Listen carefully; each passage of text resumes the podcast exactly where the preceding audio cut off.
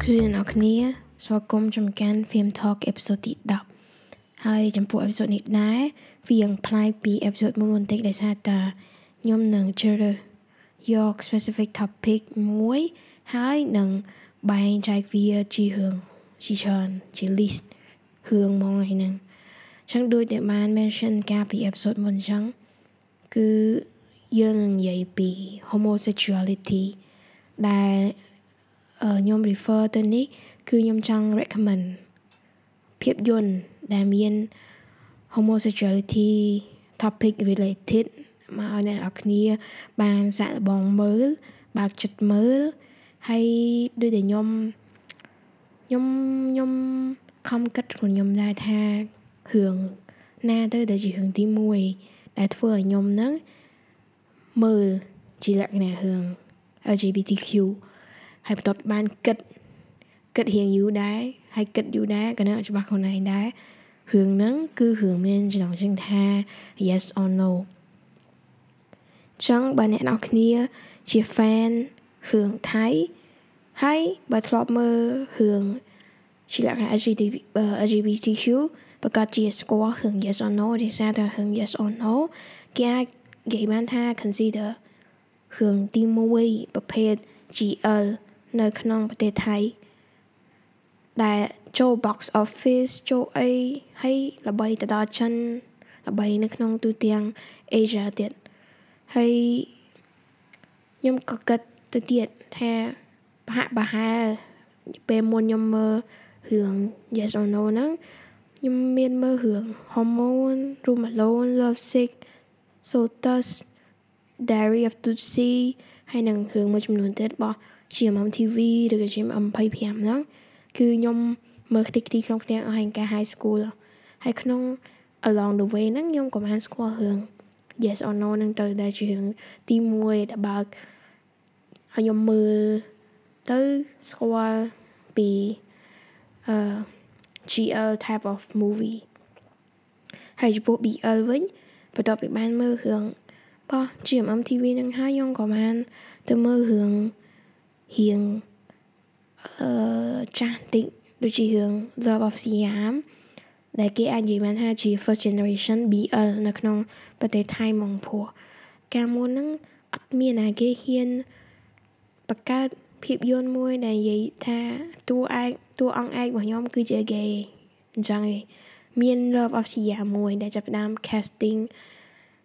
Mario Mora ដែលយើងស្គាល់ហ្នឹង ឲ្យមកធ្វើជា lead actor ក្នុងរឿងហ្នឹងហើយកាលនោះហ្នឹងគាត់ក៏ពិតអត់ធ្លាប់សម្ដែងរឿងហ្មងតែគាត់មកសម្ដែងរឿងហ្នឹងជារឿងទី1របស់គាត់អឺ Love of Siam ហើយបន្ទាប់ពីខ្ញុំមើលក្នុង Asia ហើយខ្ញុំក៏បានទៅមើលរឿងចិនទៅមើលរឿង Hollywood ដែលតាក់ទងជាមួយនឹង LGBTQ ហ្នឹងហើយបើអ្នកនរគ្នាជា fan ថៃប្រកាសជាស្គាល់រឿងល្បីល្បីកាលពីអឺ ប្រហែលឆ្នាំចុងក្រោយនេះមានដូចជា I told sunset about you together ឬក៏រឿងចិន your name engraved here in ចឹងវាមានរឿងច្រើនខ្លាំងណាស់ដែលអឺអ្នកនរគ្នាអាចទៅ explore មើលបានប៉ុន្តែសម្រាប់ខ្ញុំវិញខ្ញុំអឺគិតថាបន្ទាប់ពីប្រហែលឆ្នាំហ្នឹងដែលខ្ញុំមើលរឿង រឿង LGBTQ ហើយខ្ញុំ flip ទៅមើលរឿង Hollywood ដែលគេជាលក្ខណៈ biography និយាយពីបុគ្គល3ណាមួយហើយមាន homosexuality topic related នៅក្នុងភាពយន្តហ្នឹងអញ្ចឹងខ្ញុំគិតថាមើលទៅ feeling different somehow មកឧទាហរណ៍ដូចជារឿងដែលខ្ញុំចង់មកនិយាយហ្នឹងគឺ holding the man holding the man នឹងជា theme របស់យើងនៅថ្ងៃនេះ holding the man គឺ adaptation ពី memo សភៅរបស់អឺគាត់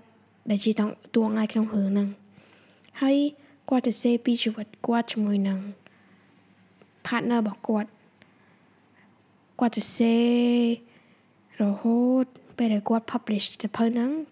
ពេលដែលគាត់សរសេរសភៅហ្នឹងចប់10ថ្ងៃក្រោយមកគាត់ ក៏បានស្លាប់ទៅហើយ partner របស់គាត់វិញគឺស្លាប់នៅក្នុងការ eight eight crisis អញ្ចឹងរឿង holding the man នេះសម្រាប់ខ្ញុំ somehow វាមាន whole value deep core value ខ្លាំងនៅក្នុងហ្នឹងដោយសារតែដូចយើងដឹងចឹងការ eight crisis ហ្នឹងមានមនុស្សច្រើនដែលបានជួបប្រទះហើយក៏បាន ស្លាប់នៅក្នុង eight crisis ហ្នឹងហើយបើអ្នកនរគ្នាមើល holding the man អ្នកនរគ្នានឹងបាន experience feeling ហើយនឹងដឹងថាការ AIDS crisis ហ្នឹងវាមានអីកើតឡើងខ្លះហើយការមុន AIDS crisis ហ្នឹងតើ homosexuality គេទទួលស្គាល់កម្រិតណាហើយដែលខ្ញុំស្រឡាញ់រឿងហ្នឹងខ្លាំងខ្លាំងខ្លាំងខ្លាំងខ្លាំងហ្នឹងខ្ញុំក៏ព្យាយាមគិត ថាខ្ញុំចាំបាននៃខ្លះពីរឿងហ្នឹងដោយសារតែខ្ញុំមើលនឹងយូរដែរដោយសារតែការពិតទៅវា authentic authentic ខ្លាំងមែនតើដូចដែលពេលមុនផានគាត់មានជំងឺជំងឺ AIDS ហ្នឹងយើងនឹង explore story ពេលដែលអ្នកទាំងពីរជួបគ្នានឹងការ high school ដែលធ្វើស្រឡាញ់គ្នាលួចលាក់បិទបាំងហើយពេលដែល confess ទៅកាន់ parents ទៅ parents គាត់និយាយ clear មួយដូចគាត់និយាយប្រាប់ប៉ាមកគាត់ថា I'm gay I love him ប៉ុន្តែប៉ាមកគាត់និយាយមកវិញថា you're gonna grow out of this otherwise you're going to have a very lonely a very sad life ចឹងនិយាយថាអឺមុននឹងក្រោយឯងអញ្ចឹងគាត់នឹង វិវត្តឡើងខ្លាចជា gay អញ្ចឹងហើយហើយបើសិនជាគាត់អត់ព្រម grow up ទេជីវិតគាត់នឹងឯកោឯកាហើយនឹងគ្មានសេចក្តីសុខទេដូចដែលម៉ាក់របស់ Elton John និយាយទៅគាត់បើអ្នកនរគ្នាបានមើល Rocketman ម៉ាក់របស់ Elton John ក៏បាននិយាយ sentence ស្តៀងស្តៀងគ្នាដែរ ពេលដែល Elton John ទេទៅម៉ាក់គាត់ confess អឺអាចនិយាយបានថា confess ឬក៏និយាយបានថា finally it's time ដែលត្រូវ come out ទៅម៉ាក់គាត់គាត់ទេទៅគាត់ថា I'm a fairy queen something like that and then ម៉ាក់គាត់គាត់និយាយមកវិញថាគាត់ដឹងយូរហើយហើយ I just hope you realize you're choosing a life of being alone forever you'll never be loved properly តែគាត់និយាយថាសង្ឃឹមថាកូនឯងដឹងថាឥឡូវហ្នឹងកំពុងទៅហើជីវិតមួយដែលនឹងនៅម្នាក់ឯងជារៀងរហូតហើយនឹងគ្មានណាគេមកស្រឡាញ់ពិតប្រាកដទេអញ្ចឹងបើមើល Rocket Man Job ប្រកាសជាដឹងហើយថា Elton John ក៏បានជួប partner គាត់រហូតដល់ពេលបច្ចុប្បន្ននេះគាត់ survive HIV AIDS crisis ហើយគាត់ហួរនៅដល់បច្ចុប្បន្នខ្ល้ายជា legend ដែល inspire មនុស្សជាច្រើនហើយថែមថែមទាំង create AIDS foundation ជាមួយ partner គាត់ជំរាបជួយ អ្នកដែលមានជំងឺ AIDS ហើយបើបន្តពី holding the man យើងទៀតអញ្ចឹងបន្ទាប់ពី first part ដែលយើងនឹង explore គាត់ជាមួយនឹង partner គាត់រៀន high school មួយគ្នាទៅលាក់បាំងអឺជាច្រើនហ្នឹង part 2យើងនឹងឃើញអឺគាត់ចាប់ផ្ដើមមាន problem ជាមួយនឹង AIDS ហើយគាត់ត្រូវរស់នៅជាមួយនឹងជំងឺនឹងរហូតដល់គាត់ដល់ថ្ងៃស្លាប់ហើយនឹង part 3ពេលដែល partner គាត់ស្លាប់ទៅហ្នឹងគាត់ ក៏មានជំងឺដែរគាត់អឺខ្ញុំភ្លេចឈ្មោះជំងឺហ្នឹងបាទប៉ុន្តែអឺគាត់មាន anxiety attack នៅពេលដែលគាត់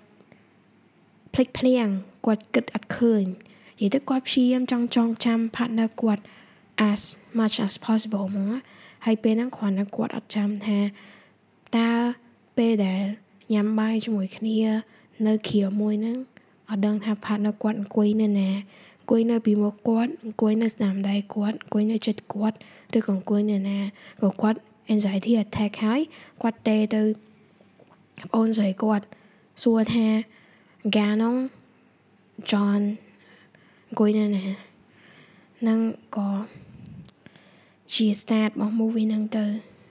ហើយចុងក្រោយគាត់ក៏បានចំណាយ he was sitting beside you និយាយទៅ មានមាន aspect ច្រើនក្នុងរឿង Holding the Man ហ្នឹងដែលធ្វើឲ្យខ្ញុំមើលទៅប្រភេទរឿង LGBT uh, LGBTQ not just LGBTQ មកបានន័យថាបើអ្នកនរគ្នាមើលរឿង LGBTQ ច្រើនដូចខ្ញុំនឹងនឹងនឹងនឹងមានអឺដំណាក់កាលមួយអ្នកនរគ្នាគិតថារឿង LGBTQ វាមិនខុសពីរឿងផ្សេងផ្សេងទេវាជារឿង romantic if it's about romantic វាជា romantic if it's about thriller it's thriller if it's about horror it's horror it's nothing more than that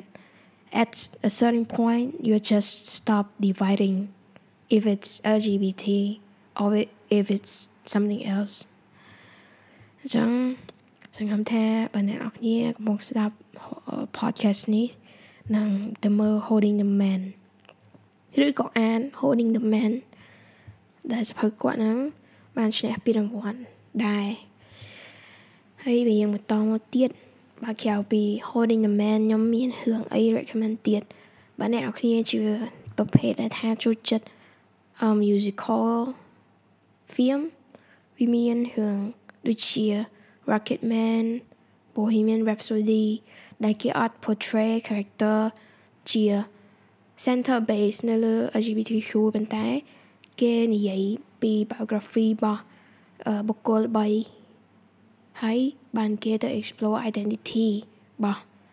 ម្នាក់នោះឲ្យយើងស្គាល់ហើយដែលស្គាល់គាត់តាមរយៈអឺ topic related homosexuality ហ្នឹងហើយបើមានរឿងផ្សេងផ្សេងទៀត ដូចជាខ្ញុំចង់មើលយូរហើយ A Portrait of Lady on Fire ជាមួយនឹង Blue is a warmest color ខ្ញុំខ្ញុំខ្ញុំចង់មើលច្រើនខ្ញុំខ្ញុំចង់មើលយូរប៉ុន្តែខ្ញុំអត់មើលតតែសោះប្រហែលជាត្រូវការរងចាំ timing មួយល្អហើយបានទៅមើលវាហើយបើនិយាយពី turning point របស់ខ្ញុំវិញគឺរឿង saving face saving face មិនធម្មតា revolutionize LGBTQ ឯ revolutionize ទាំង Hollywood ទៀតគាត់ជា first Asian director ដែលចូលក្នុង Hollywood ហើយគាត់ make film ហ្នឹង entirely cast តែ Asian អញ្ចឹងបាន director របស់រឿង Crazy Rich Asian ហ្នឹងគាត់និយាយថាអរគុណដល់ director របស់រឿង Saving Face ដែលបាន pave way ឲ្យ Asian director ផ្សេងៗទៀតចូលមកកាន់ Hollywood ហើយរឿង saving face ហ្នឹងខ្ញុំក៏ចង់ recommend ខ្លាំងខ្លាំងខ្លាំងខ្លាំងខ្លាំងឲ្យអ្នកនរគ្នាមើលដោយសារតែมันងាយមានរឿងណាដែល plot vibe saving face ដែលថាអឺគាត់ដឹងថាគាត់គេហើយអ្នកទៀតហ្នឹងក៏ដឹងថាគាត់ឯងគេដែរដែលត្រូវស្នាញ់គ្នាបានអីចឹងប៉ុន្តែអឺគាត់គាត់ហ្នឹងអឺ ប៉ះ timing ខុសដោយសារតែ timing ហ្នឹងពេលដែលពីរអ្នកគាត់ស្រឡាញ់គ្នាហ្នឹងប៉ះចំពេលម៉ាក់របស់គាត់ហ្នឹងទៅមានពពោះកូនមកចុចចុចអត់ចង់ spoil ទេព្រោះរឿងហ្នឹងអឺយើងនឹងតាមហៅថាម៉ាក់របស់គាត់ហ្នឹងពពោះកូនរបស់អ្នកគេហើយដោយសារម៉ាក់គាត់កំពុងមានផ្ទៃពោះចឹងទៅគាត់ក៏អត់មាន freedom ទៅធ្វើអីច្រើនណាស់ ហើយគាត់ជាដុកទ័រទៀតហើយអញ្ចឹងក៏អត់មានពេលវេលាឲ្យទៅសង្សារគាត់ទេអញ្ចឹងវាមាន issue ច្រើននៅក្នុងរឿងហ្នឹងវាលក្ខណៈ comedy តិចតិចប៉ុន្តែខ្ញុំស្រឡាញ់ហ្នឹងខ្លាំងថារឿងហ្នឹងជា top top LGBTQ movie របស់ខ្ញុំហ្មងដោយសារពេលមើលទៅទោះវា comedy មែនប៉ុន្តែយើងធ្វើយើងគិតធ្វើយើងគិតធ្វើយើងគិតច្រើនហើយរឿងមួយទៀត ដែលយើងនិយាយពីលក្ខណៈ adaptation ពី novel ហើយយើងនិយាយពីលក្ខណៈអឺជារឿង revolutionary Hollywood ហើយឥឡូវនេះចូលដល់បែប documentary បើអ្នកនរគ្នាចង់មើលបែប documentary តាក់ទងជាមួយនឹង LGBTQ មានរឿងមួយដែលចំណងជើងថា A Secret Love ដែលមាននៅក្នុង Netflix អឺ A Secret Love ហ្នឹង គឺ documentary ដែលគេទៅតាមដានជីវិតរបស់អឺលោកយាយពីរនាក់ដែលគាត់ជា partner នឹងគ្នា ហើយលោកយាយទាំងពីរនាក់ហ្នឹងត្រូវ move ពីផ្ទះគាត់ហ្នឹងចូលទៅកាន់អឺផ្ទះមនុស្សចាស់ហើយអញ្ចឹងក៏ឃើញគាត់ពិភាក្សាគ្នាថាគាត់មានលុយគ្រប់គ្រាន់អត់នឹងចូល moving ទៅកាន់ទៅកាន់អឺអឺ ផ្ទះ take care មនុស្សចាស់ហ្នឹង ហើយយើងនឹងតាមដានជីវិតចុងក្រោយរបស់ពួកគាត់ ដែលនៅជាមួយគ្នានឹងហើយខ្ញុំចាំបានថាអឺពេលដែលមើលហ្នឹងលោកយាយហ្នឹងគាត់ដបងដែលយើងមើលហ្នឹងប្រហែលជាពាក់កណ្ដាលដបងហ្នឹង គាត់មុំតំមុំតំឲ្យគាត់ចេះតែឆ្លោះប្រកែកគ្នា just like normal couple គេនិយាយគ្នាអីចឹងដល់ពេល second half យើងឃើញគាត់រៀងទ្រុឌទ្រោមចរិយាម្ដងបន្តិចម្ដងបន្តិចហើយ partner គាត់ក៏បានចាក់ចេញពីលោកយើងទៅប៉ុន្តែអឺពេលនោះ លោកយាយមួយទៀតហ្នឹងក៏គាត់នៅកាន់ដៃរហូតដល់នាទីចុងក្រោយហ្នឹង documentary ហ្នឹងខ្ញុំ highly recommend ដូចគ្នាដោយសារតាគាត់និយាយពី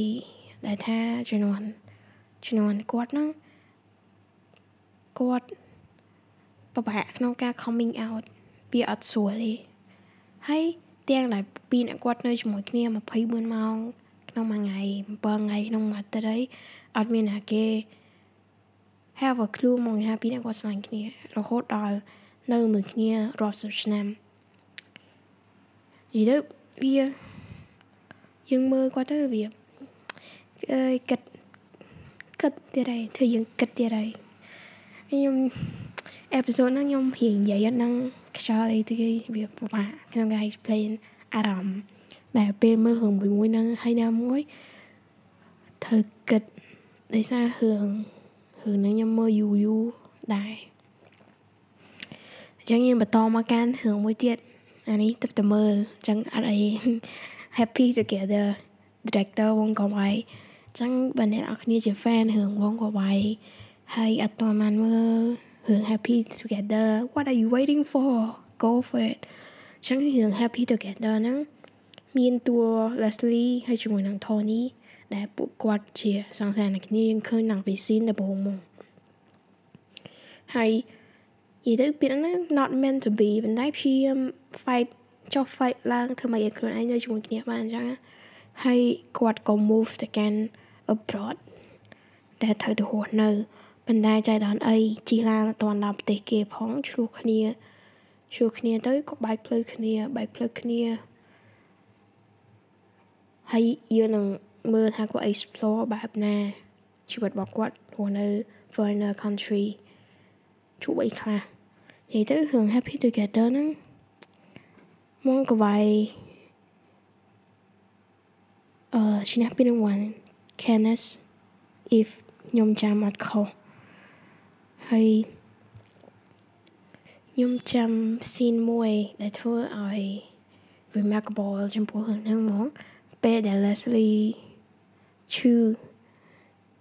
អូមែននេះពេលដែល Tony ឈឺជាធម្មតា Tony take care Leslie រហូតចឹងដល់ពេល Tony ឈឺ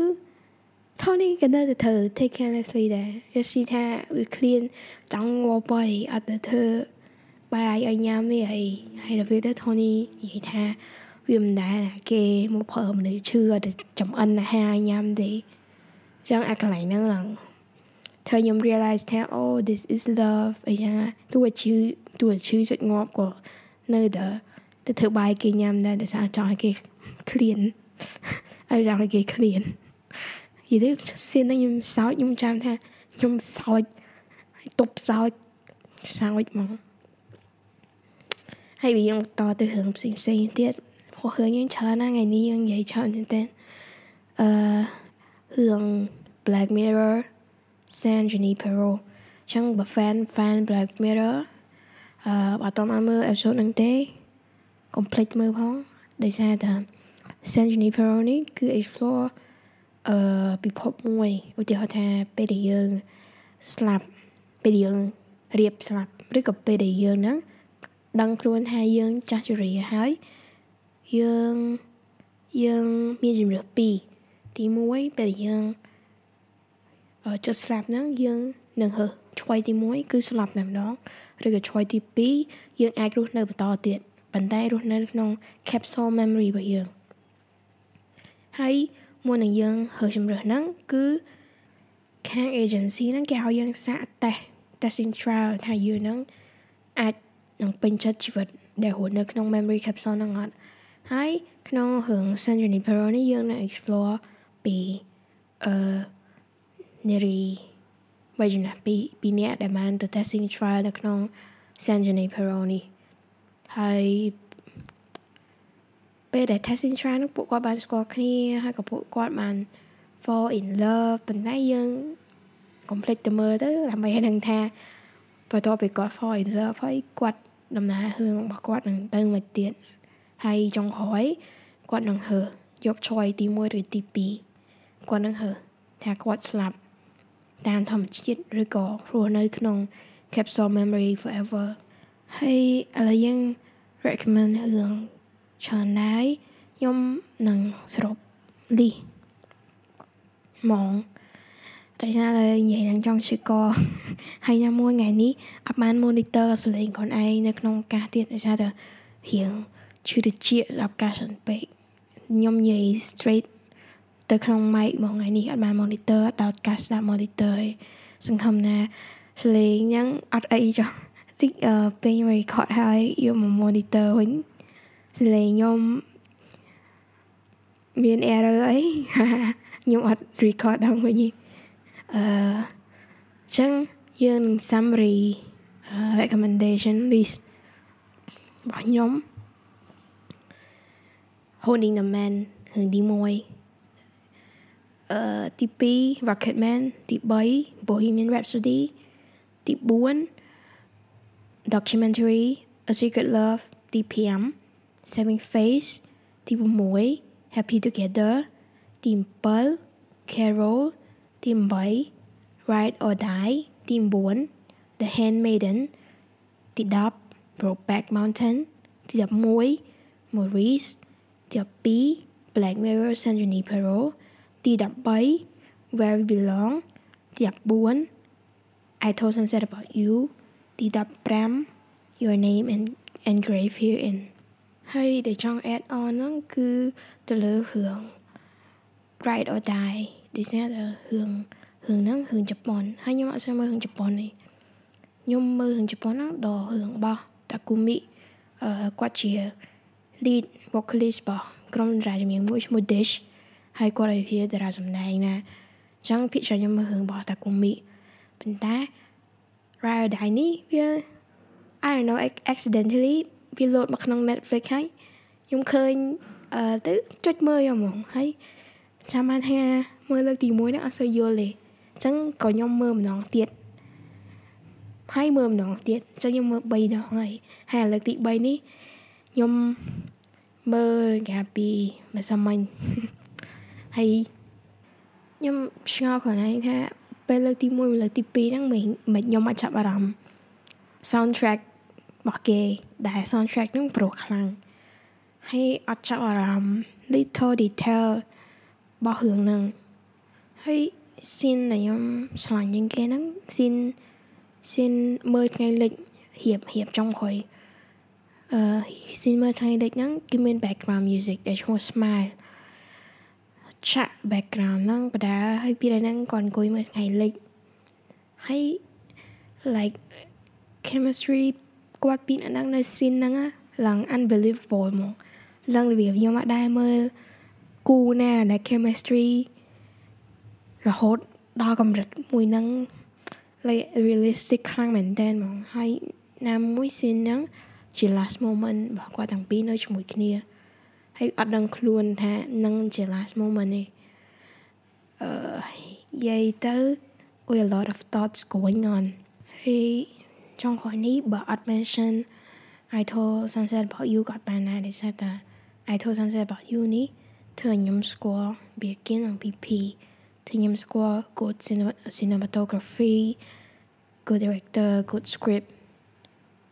and everything in that series ហ្មង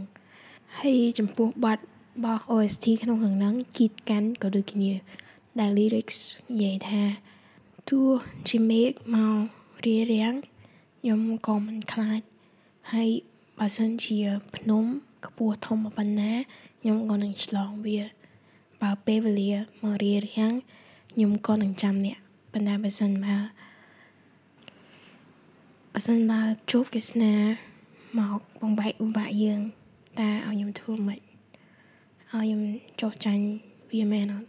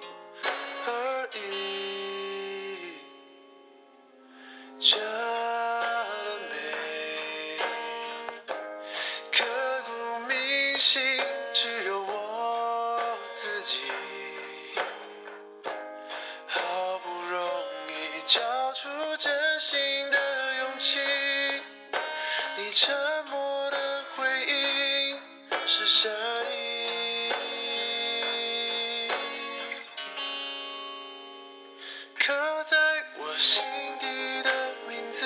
忘记了时间这回事，于是